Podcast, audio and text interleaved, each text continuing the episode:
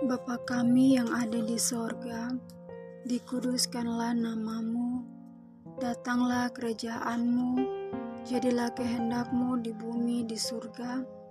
Berikanlah kami pada hari ini makanan kami yang secukupnya, dan ampunilah kami akan kesalahan kami, seperti kami juga mengampuni orang yang bersalah kepada kami.